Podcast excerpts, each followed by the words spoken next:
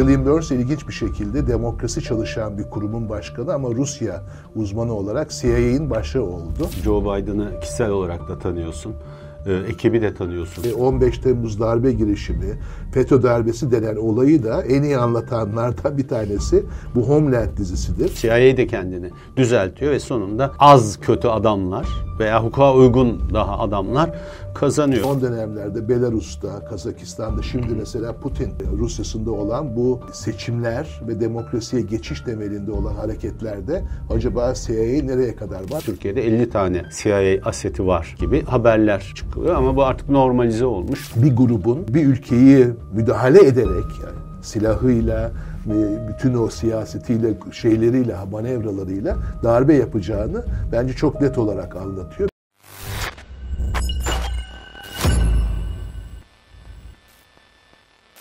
Fuat sonuçta uzun tartışmalar ve maceralı bir şekilde ama Joe Biden başkanlığı devraldı. Sen Joe Biden'ı kişisel olarak da tanıyorsun. Ee, ekibi de tanıyorsun, yeni ekibi. Ne diyorsun? Ha, tabii Joe Biden başkan yardımcısıyken Türkiye'ye gelmişti. Sivil toplum örgütleriyle görüşüyordu. Orada e, bizim çalıştığımız denge denetleme üzerine e, bir proje var. E, o projeye katılan Türkiye'nin farklı yerlerinden farklı işlerle uğraşan sivil toplum örgütleri. Yani benim başkanlığımda Biden'la böyle bir iki saat geçirmişti. Çok etkili olmuştu. Sonradan da esasında Amerika, Washington'da yaptığımız toplantılarda Biden ya da o Obama ya da demokratların sivil toplumuyla birlikte çalışıldı. Onlara hep her zaman biz demokrasinin ne kadar önemli olduğunu söylemiştik. Ve son aşamada Biden e, biliyorsun e, başkan oldu. Fakat başkan olmadan önce bir darbe girişimi yaşandı Amerika'da. Son olarak bugünkü konuyla ilgili Amerika'nın önde gelen düşünce kuruluşlarından Carnegie Endowment, Carnegie Enstitüsü vardır. Onlar demokrasi çalışırlar. Onun başkanı evvelden Amerika'nın e, Rusya Büyükelçisi olan William Burns'tü. Şimdi William Burns ilginç bir şekilde demokrasi çalışan bir kurumun başkanı ama Rusya uzmanı olarak CIA'in başı oldu. E, o yüzden de böyle bir e, evet e, yani e, bugünkü Biden yönetiminde e, tanıdığım e, insanlar var. Bu da tabii yönetimin ne şekilde çalışacağıyla ilgili bir şeyleri bize söylüyor. CIA 1947 değil mi? 1947 evet.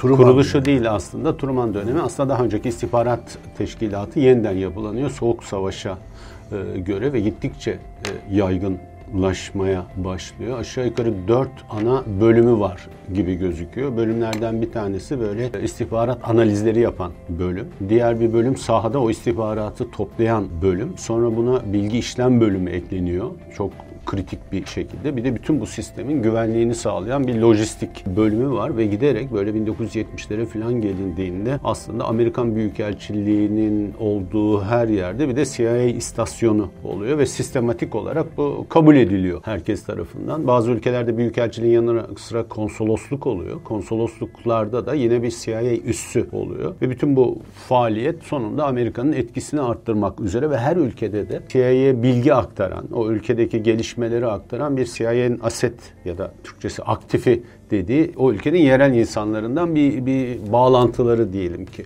oluyor ki bir, bir ara Hürriyet Gazetesi'nde internette de bakınca gözüküyor. Türkiye'de 50 tane CIA aseti var gibi haberler çıkıyor ama bu artık normalize olmuş. Zaten birazdan daha detaya ineceğiz. Dizilerde de hep görüyoruz. Yani her ülkede de CIA kendisiyle çalışan bir büyük grup inşa ediyor ki 16 bin falan çalışanı olduğu söyleniyor. Bütçesi zaten sınırsız bir bütçe.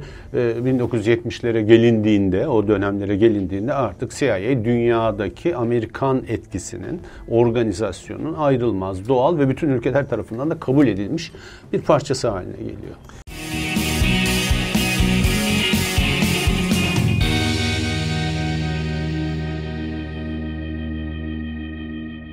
Yani dünyadaki Amerika'nın liderliğinin, e, bazen ona hegemonya deniyor. E, ama aynı zamanda senin söylediğin gibi etkisinin ama etkisi de Amerika'nın bir emperyalist aktör olduğundan altını çizelim. Yani o kendi çıkarı için e, CIA'yı kullanıyor. Fakat 70'lerden sonraki gelişimi de ilginç. Çünkü 1945-70 e, arası Soğuk Savaş olduğu için daha çok Soğuk Savaş Avrupa ağırlıklı hareket eden bir CIA varken 70'lerde biliyorsun bizim güneyimizde İspanya, Portekiz ve Yunanistan sonra Latin Amerika, sonra bizde de 80'lerde darbeler e, oluyor. Bu darbelerde esasında CIA'nin rolü e, örneğin Şili'deki Pinochet'e karşı yapılan Pinochet darbesine katkısı olsun. 1980 Türkiye'deki darbeye katkısı olsun. 70'lerden itibaren e, bu Amerika'nın dünya liderliği ve dünyadaki etkisi temeli temelinde CIA'nin daha küreselleştiğini görüyoruz. Küreselleşme içinde Latin Amerika, Orta Doğu, Türkiye, Asya gibi, Afrika gibi ülkelerde demokrasiye geçişi engelleyen, biraz orada rejim değişikliği temelinde müdahalelerde bulunan bir CIA var. O, o anlamda da esasında CIA çok daha e, global, e, çok daha küresel ama o anlamda da çok daha e, sorunlu, ilgi çeken bir kurum haline geliyor. Gizli olduğu için de hakikaten şöyle bir saptama var. E, CIA'yı biraz sonra geleceğiz. Kitaplardan daha çok e, filmlerle, dizilerle anlamak daha mümkün.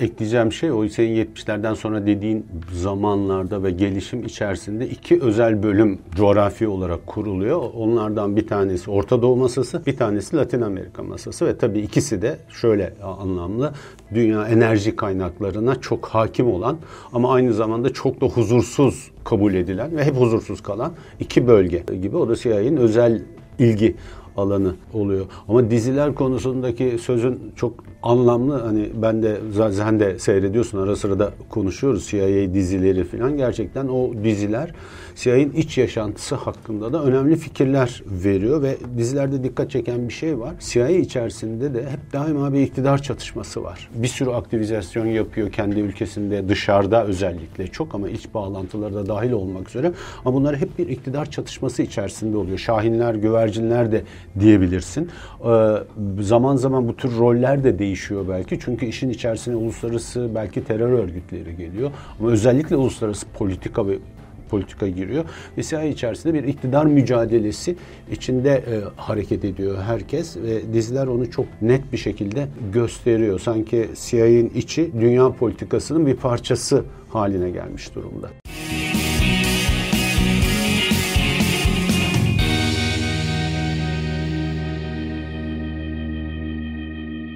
Ama aynı zamanda bu dizilere paralel olarak ya da bu dizilerin ve filmlerin e, çekilmesine kaynak olan örneğin Tom Clancy'nin e, romanları var. O romanlarda çok net olarak esasında hem e, CIA Amerikan sistemi ilişkisi hem CIA'in bir öbür tarafı olan FBI ile ilişkilerinde ne kadar bu iktidar mücadelelerinin de yaşandığı bir kurum olduğu ortaya çıkıyor. Fakat bence CIA nasıl çalışır? Bu kendi içindeki iktidar mücadeleleri Amerika'nın dünyaya bakışıyla olan ilişkisini en iyi anlatan, şimdi son sezonunu e, seyrediyoruz. Homeland diye bir dizi var ve Homeland esasında hakikaten bence yani CIA üzerine okuyan bir insan olarak da uluslararası ilişkilerci olduğum için bence CIA'yı en iyi anlatan e, dizilerden bir tanesi ki bunu üç tane örnekle anlatmak istiyorum Homeland dizisine bağlı olarak. Bunlardan bir tanesi mesela Obama e, Türkiye'yi de etki etmişti. Obama döneminde İran sisteme dahil mi olsun yoksa İran'a karşı sert bir e, müdahalede mi olalım? Yani senin söylediğin gibi İran'a karşı şahin mi olalım? İran'a karşı güvercin olup onu sisteme entegre mi edelim? E, tartışması CIA'de de ciddi anlamda bir kendi içinde de iktidar mücadelesi, kutuplaşmayı yaratıyor. Bunu en iyi anlatan esasında Homeland dizi, dizisi oluyor ve iki tane CIA varmış gibi. Bir tanesi bir görüşü savunuyor, öbürsü öbür görüş savunuyor. Fakat CIA'nin işleyişin... Ve birbirlerin pardon kesin birbirlerinin ayağını kaydırabilmek Tabii. ve Amerika sarayı evet. başkanlığı etkileyebilmek için de çok ciddi bir iç mücadele tabii. içinde. Ve, ve o zaman CIA tabii teorik, kurumsal değil. Orada ajanlar var, orada öldürmeler var, orada ayak kaydırmalar var, orada darbe girişimleri var, orada suikastlar var ama çok iyi anlatıyor. Bence ikinci örnek kendi ülkemizden verebiliriz. Bence Türkiye'de 15 e, Temmuz darbe girişimi, FETÖ darbesi denen olayı da en iyi anlatanlardan bir tanesi bu Homeland dizisidir. Orada da esasında bir şekilde nasıl bir grubun bir ülkeyi müdahale ederek yani silahıyla, bütün o siyasetiyle, şeyleriyle, manevralarıyla darbe yapacağını bence çok net olarak anlatıyor. Bir de üçüncü örnek yine o Homeland'de izleyerek görebilirdik. Joe Biden'ın 20 Ocak'ta biliyorsun resmi olarak Amerikan başkanı oldu. Ama e, Trump seçim sonuçlarını kabul etmedi. Kabul etmemeyi 6 Ocak Amerika tarihine bir karanlık gün olarak geldi. E, orada burada da işlemiştik bir takım aşırı sağ ırkçı örgütlerin, Kuan'ın mesela bunlardan bir tanesi, Proud Boys yani böyle bir gururlu çocuklar öbürsü. Bunların silahlarıyla nasıl kongre binalarını bastıklarını fakat kendileri bir sosyal medyada örgütleniyorlar. Yani ufak bir grubun nasıl darbe yapabileceğini bence Homeland dizisi e, CIA bunu uyanıyordu ve CIA başkana ikaz ediyordu. Buralardan darbe gelebilir diye. Esasında o ikazı Trump sanki yanlış anlama gibi tırnak içinde kendi lehine kullanıp bunları aktive etti. Ona kışkırtma deniyor. E, ve e, Homeland çok net olarak evet. esasında bunu 6 Ocak darbe girişimi Amerika'da e, anlattı.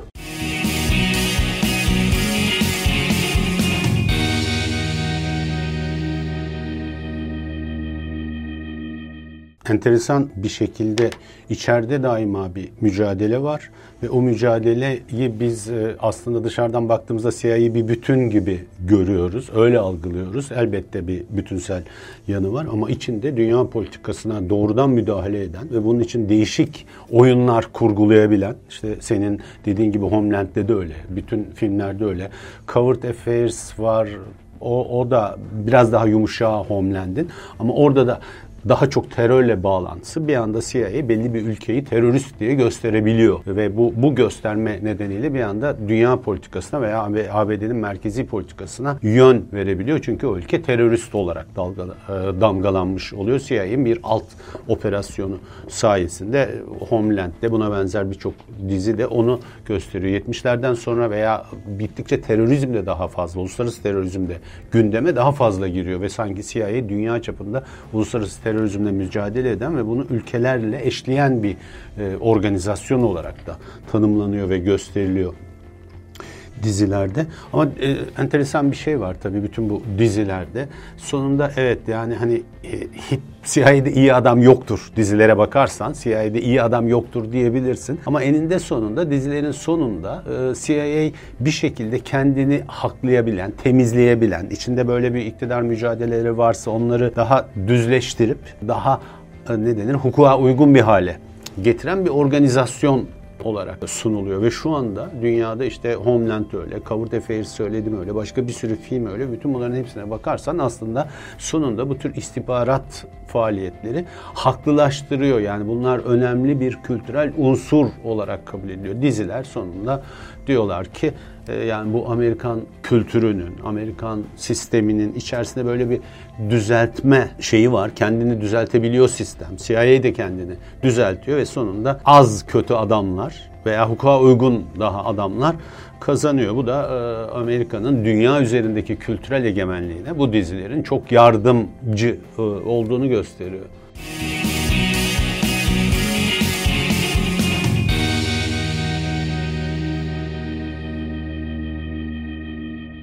Yani şunu da ekleyelim esasında CIA nedir, ne yapar e, üzerine bunu konuşacağımız için biraz araştırma yaparak geldim. O araştırmaya baktığın zaman da hakikaten deniyor ki CIA'yı en iyi anlatan e, kitaplar değil, e, akademik kitaplar yahut da yarı akademik ama yine bir akademik yapısı olan kitaplar değil, diziler ve filmlerdir. Hakikaten mesela Medusa Darbesi diye bir dizi var. O mesela Soğuk Savaş dönemi ve CIA ile iktidar arasındaki Amerika içindeki ilişkinin ne kadar önemli olduğunu anlatıyor. Çaylak diye bir dizi mesela film vardır. Yani bu, bu yine CIA'nin Amerika içindeki yapısını, o senin söylediği şahinler, güvercinler yahut da kötüler arasındaki iyiler ve da kötüler arasında. Bu, bu. Son dönemlerde mesela benim ilgimi çeken e, CIA başkanı bir kadın da oldu. İlk kadın başkanıydı CIA'nin. Gina Haspel. E, o Trump'ın e, CIA'nin başkanıydı. Yine Hasbel'i nereden biliyoruz? 11 ee, Eylül e, terörü olduktan sonra biliyorsun Guantanamo'da büyük e, şeyler yaşandı. Hukuk dışı e, işkenceler yaşandı. Bu kadın işkenceyi acaba Amerika'ya bir sorumlu hale getirmek ya da sorumlu hale getirmenin dışında nasıl yapabiliriz diye uçağa çıkardı ve uçaklarda esasında havada takım insanları sorgulamak, takım insanları kullanmak. Çok acayip şeyleri yapan da bir kurum yani CIA. Fakat bunu biz esasında yine dizilerden öğrendik. Aynen. Yani Amerika'nın bir tercihi gibi oluyor. Yani hem kötü insan hem de kendini oradan e, arındırabilen e, ülke gibi bir e, esasında tercihi var gibi bu dizilerin önemi. Bir de burada şunu da söylemek lazım. Yine tekrardan bugünkü Amerikan Başkanı Joe Biden'ın döneminin başlaması ve orada CIA Başkanı olan William Burns'ün demokrasi çalışan Carnegie'den ama aynı zamanda Rusya uzmanı olan bir insan olması. Şimdi bu da şunu gösteriyor. Esasında Amerika 6 Ocak darbe girişiminden çok korktu hakikaten de böyle gözler fal taşı gibi açıldı. Bu bizim ülkemizde de oluyor. Yani Amerika esasında başka ülkelerde olan darbelerde acaba CIA var mı yok mu tartışmasında kendi ülke İçinde içindeki yani. darbeyi e, engellemek için e, bunun ilk ikazını yapan bir kuruma geldi. Bu anlamda şöyle bitirebiliriz. E, bugün ve yarının dünyasında Amerikan liderliğinin tekrar pekişmesinde e, iki tane e, referans çok önemli olacak. Bunlardan bir tanesi Rusya ve Rusya'nın Avrupa ve Amerika'nın iç işlerine özellikle sosyal medyayı, işte post-truth dediğimiz bu tür süreçleri kullanarak müdahale etmesi ve Rusya'nın etkisini azaltmak. İkincisi de demokrasiyi ne kadar kırılgan bir yapı olduğunu demokrasinin kendi ülkelerinde gördüler. Biraz daha güçlendirecek bir e, sürece başlatmak ki mesela bence ilginç tartışmalardan biri son dönemlerde Belarus'ta, Kazakistan'da şimdi mesela Putin Rusya'sında olan bu seçimler ve demokrasiye geçiş temelinde olan hareketlerde acaba CIA nereye kadar var bu tartışma yapılacaktır ve bunu da dizilerden öğreneceğiz.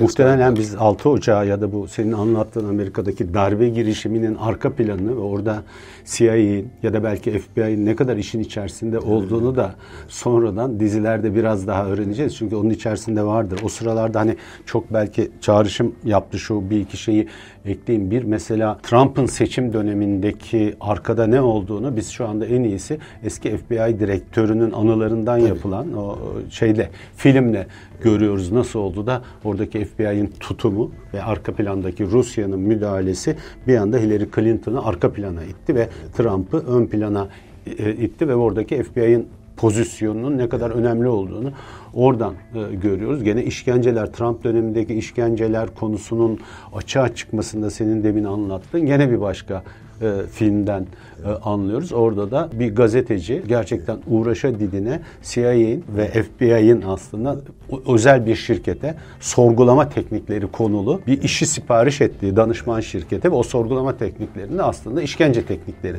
olduğu anlaşılıyor ve bu ortadan kalkıncaya kadar da uğraşılıyor. Sonunda da hazırlanan bu rapor yani CIA'in ve FBI'nin işkence teknikleri konusunda eğitim aldığı raporunu da e, hasır altı ediyorlar. Biz bunu da filmden evet. öğreniyoruz. Başka bir yerden öğrenmiyoruz. Alt, mesela 6 Ocak'ta bumerang etkisi denir ya yani CIA bunları yaptı yaptı yaptı bunları ne şekilde yapıldığını öğrenen gruplar da Amerika içinde kendileri darbe yapmaya başladılar. Yani e, evet. e, o anlamda ilginç bir şey. Bunu da tabii biz dizilerden ve filmlerden Nereden öğreniyoruz. Ama şeyi herhalde unutmayacağız. Sonuçta e, CIA bir ABD ajansı ve ABD'nin çıkarlarını esas alarak uluslararası politika içerisinde yer almak zorunda. Bazen ABD'nin çıkarlarının nerede olduğu tartışılıyor kendi içlerinde.